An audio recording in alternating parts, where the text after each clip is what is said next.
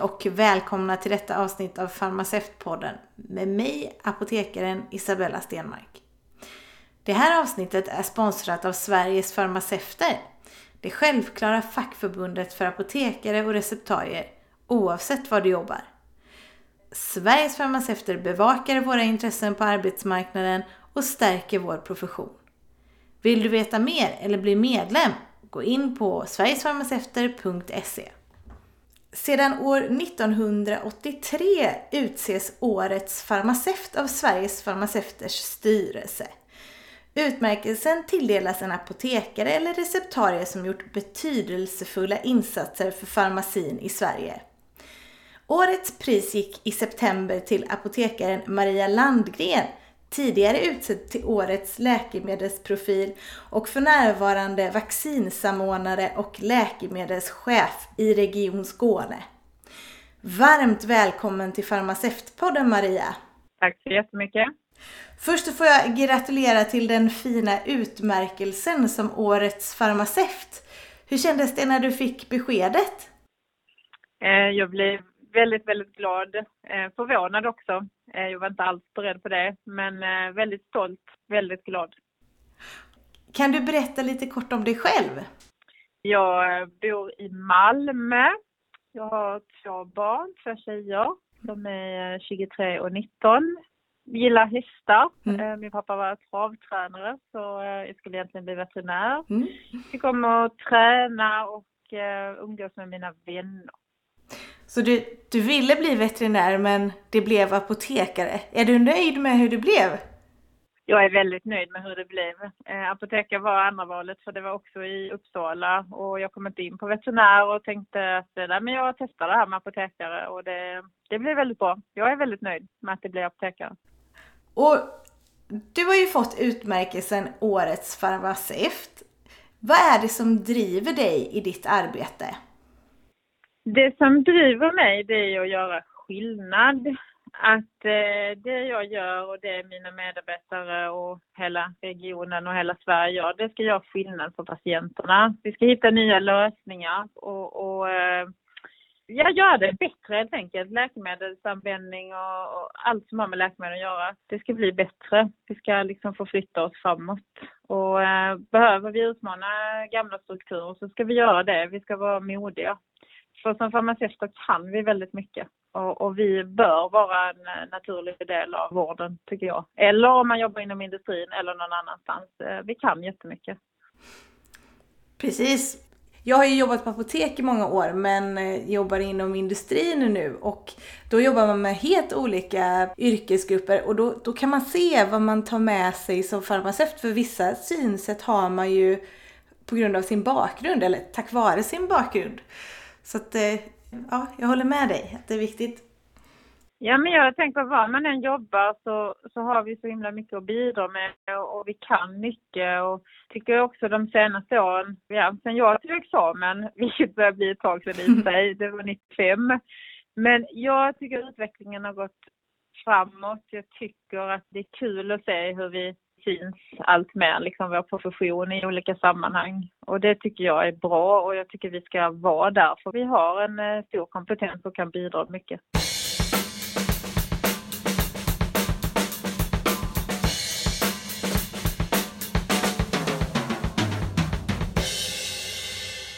Hur kommer det sig att du blev eh, vaccinsamordnare? Ja, det var inte meningen från början utan jag hade en, eh, en medarbetare som jobbade inledningsvis med vaccinerna. Men sen var det väldigt mycket frågor kring eh, brist och fördelning och olika vacciner och hållbarheter. Så att det var fokus på smittskyddsfrågorna och vi hade en smittskyddsläkare som vaccinsamordnare. Men det blir också väldigt mycket kopplat till min roll som läkemedelschef. Mm. Och då fick jag frågan om vi inte skulle vara två vaccinsamordnare med lite olika profil. Och också för att vi skulle hålla länge. Och då tackade jag ja till det. Eh, sån är jag ju. Jag hoppar ju in i grejer. Och det har varit jättebra. Vi har verkligen kompletterat varandra, jag och Per, då, den andra vaccinsamordnaren, och eh, stöttat varandra och, och hjälpts åt och haft eh, våra olika kompetenser. Så det har varit en stor styrka att jobba tillsammans. Och vad, vad ingår i uppdraget som vaccinsamordnare? Vad, vad har ni behövt göra? Ja, vad vi inte behövt göra kan man säga. Men, men, eh, nej, men det har varit ju att planera vaccinationerna. Att eh, vad ska sjukvården vaccinera, vad ska primärvården göra, vilka vaccin ska vara, hur ska vi fördela vaccinet för att följa Folkhälsomyndighetens prioriteringar. Dialog med politik, medborgare, media och sen har man också ett nätverk med Folkhälsomyndigheten, SKR och de andra regionerna. Och vi har ju såklart en projektledning här också som vi jobbar i. Så det har ju varit hela, hela vaccinationsinsatsen att eh, leda och, och planera den.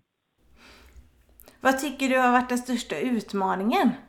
Den största utmaningen tycker jag har varit eh, alla förändringar hela tiden. Att det liksom inte gällt en dag ens utan det kunde ha gällt några timmar. Det som gällde på förmiddagen kunde vara ändrat på eftermiddagen. Och sen har det också varit alla känslor.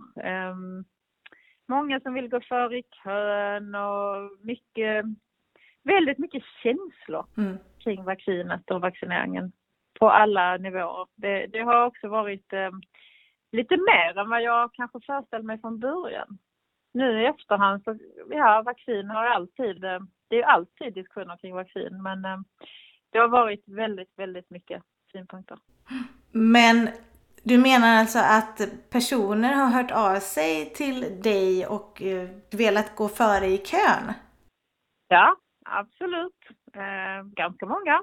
Eh, av olika anledningar. Mm. Eh, antingen att man har någon sjukdom eller någon anhörig eller att man har ett jobb som är samhällsviktigt, eh, domstolar eller så. Så att alla har haft eh, bra argument. Men vi följer Folkhälsomyndighetens prioriteringsordning och det har också varit skönt att luta sig på den och att alla regioner gör, gör lika. Mm. Ja, det kommer lite som en överraskning. Jag trodde ju att alla väntade på sin tur sådär, men eh, men sen kan man väl lägga till i den frågan att, att i och med att det var så kort hållbarhet på vaccinet när det kom, det höll i fem dagar ja, ja. när vi tog upp det och kryofrysen. Och det var inte vården beredda på. Även om vi sa det så var man inte helt beredd på det. Och då kunde man ju stå där eh, en eftermiddag och ha doser över som behövde kasseras inom några timmar. Och då fick man ju vaccinera den, den som stod närmast för att inte kassera vaccin. Mm. Och det blev ju också jättemycket liv och uppfattades som att vissa gick före och så. Så att det fick vi också jobba mycket med, att men vi kan inte kassera mm. vaccin.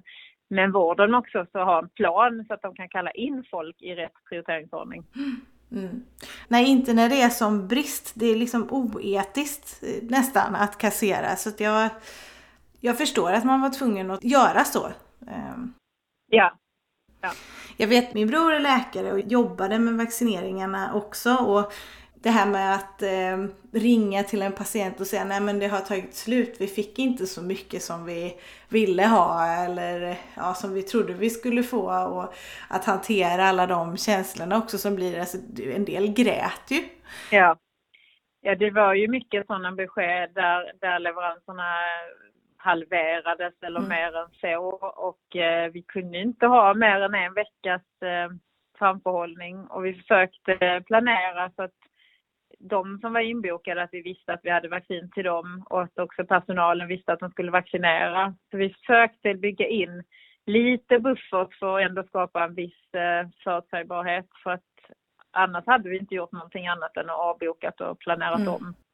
Och, och, det gjorde vi ändå men vi, vi försökte ändå säkra upp för har man fått sin vaccintid så, så ville man ju verkligen ha den. Mm. Precis. Och jag vet att pandemin är ju inte över ännu, men har du redan tankar på vad du skulle kunna göra annorlunda i ditt arbete om en ny pandemi slår till? Ja, men vi måste ju ha mer beredskap både i Region Skåne och i Sverige. Vi måste ha planer i, byrålådan och, plocka fram vi hade en krisplan för öppenvårdsdos, alltså dosdispenserade läkemedel i öppenvård, för vi hade problem när vi bytte leverantör en gång. Så vi mm. hade en plan, en krisplan. Men den planen innehöll överhuvudtaget inte aspekten att personalen kan bli sjuk. Och nu när vi stod inför covid och pandemin, att liksom hela arbetsplatser kanske slås ut eller halva arbetsplatser. och just liksom ha de där planerna i byrålådan och inte börja från noll liksom. Vi måste hålla fast vid allt som vi har arbetat fram nu och vissa saker ska vi säkert slipa på och förbättra men eh, jag hoppas vi alla har fått oss en tankeställare av vad vi måste ha färdigt för att någon pandemi kommer det ju komma igen. Mm. Frågan är bara när. Du vet jag också en eh, bekant har berättat att man eh, vaccinerade en hel avdelning, alltså hela personalstyrkan.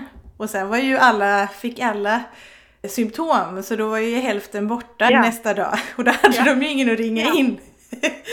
Nej, precis. Ja, vi har ju lärt oss mycket och det blir minst lika viktigt som allt jobb vi har gjort under pandemin. Det blir ju utvärderingen och, och få ner det här på papper och mm. liksom mm. vad har vi gjort bra, vad måste vi tänka på? Vi måste ta oss tid att göra den utvärderingen. Mm. Ja, det, absolut.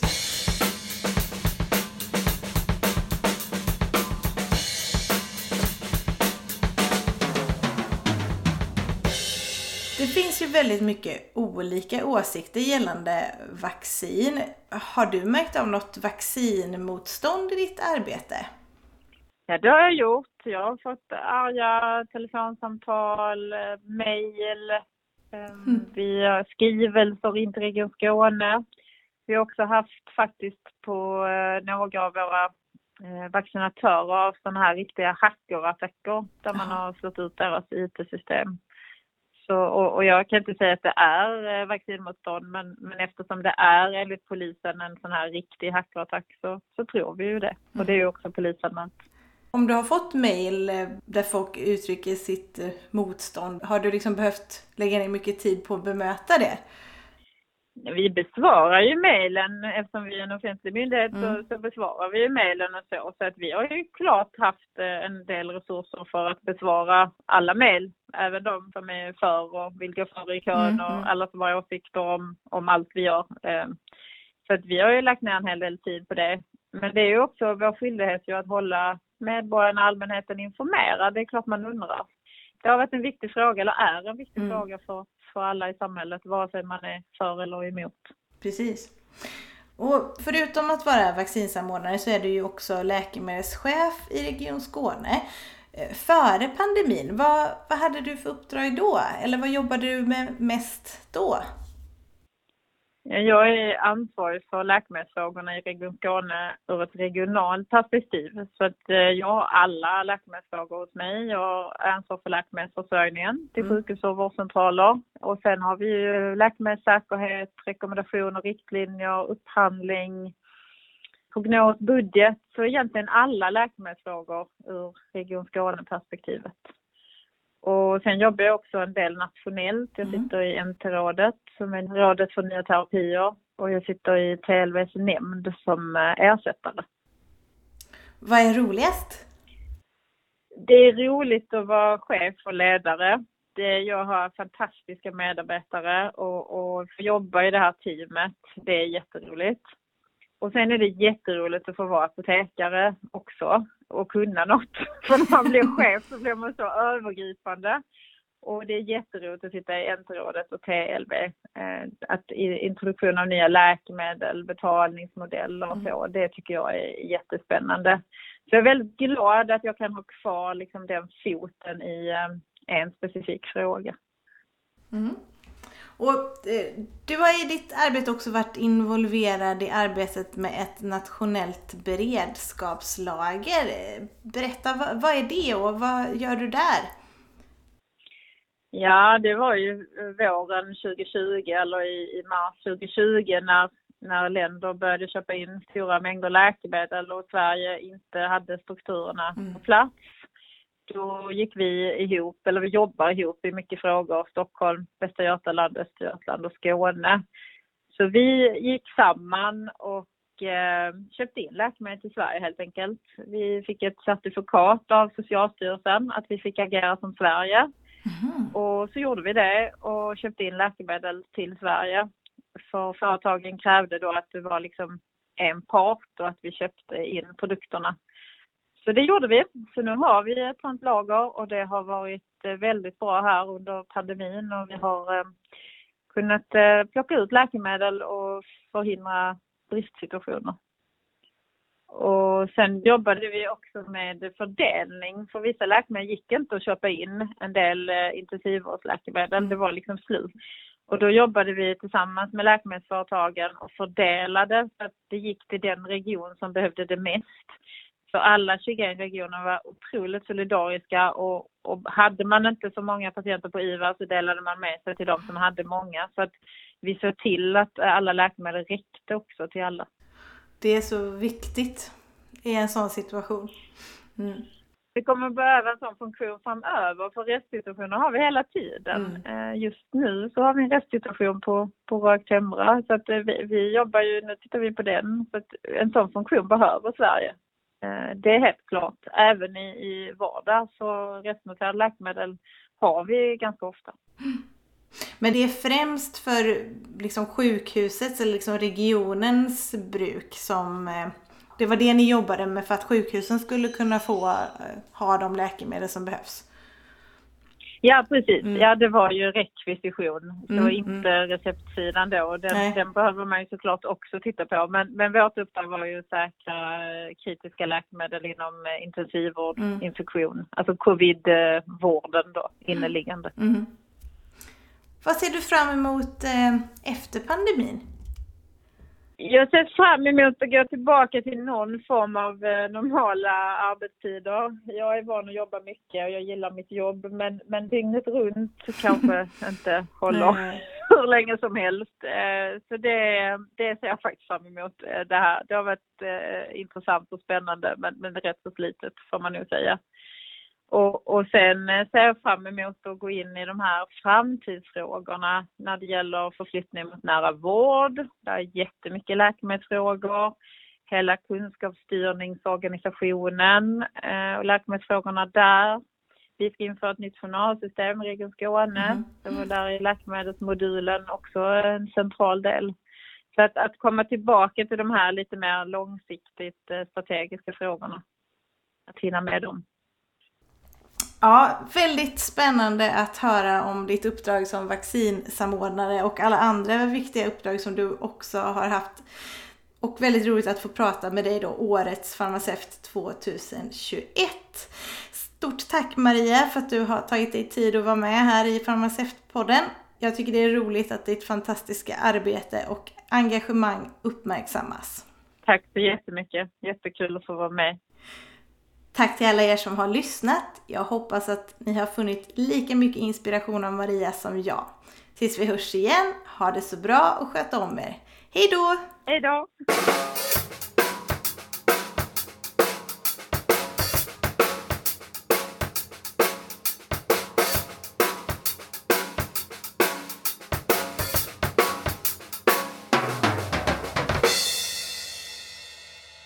Producerat av Isabella Stenmark i samarbete med fackförbundet Sveriges farmaceuter. Trummor Fredrik Podgorski.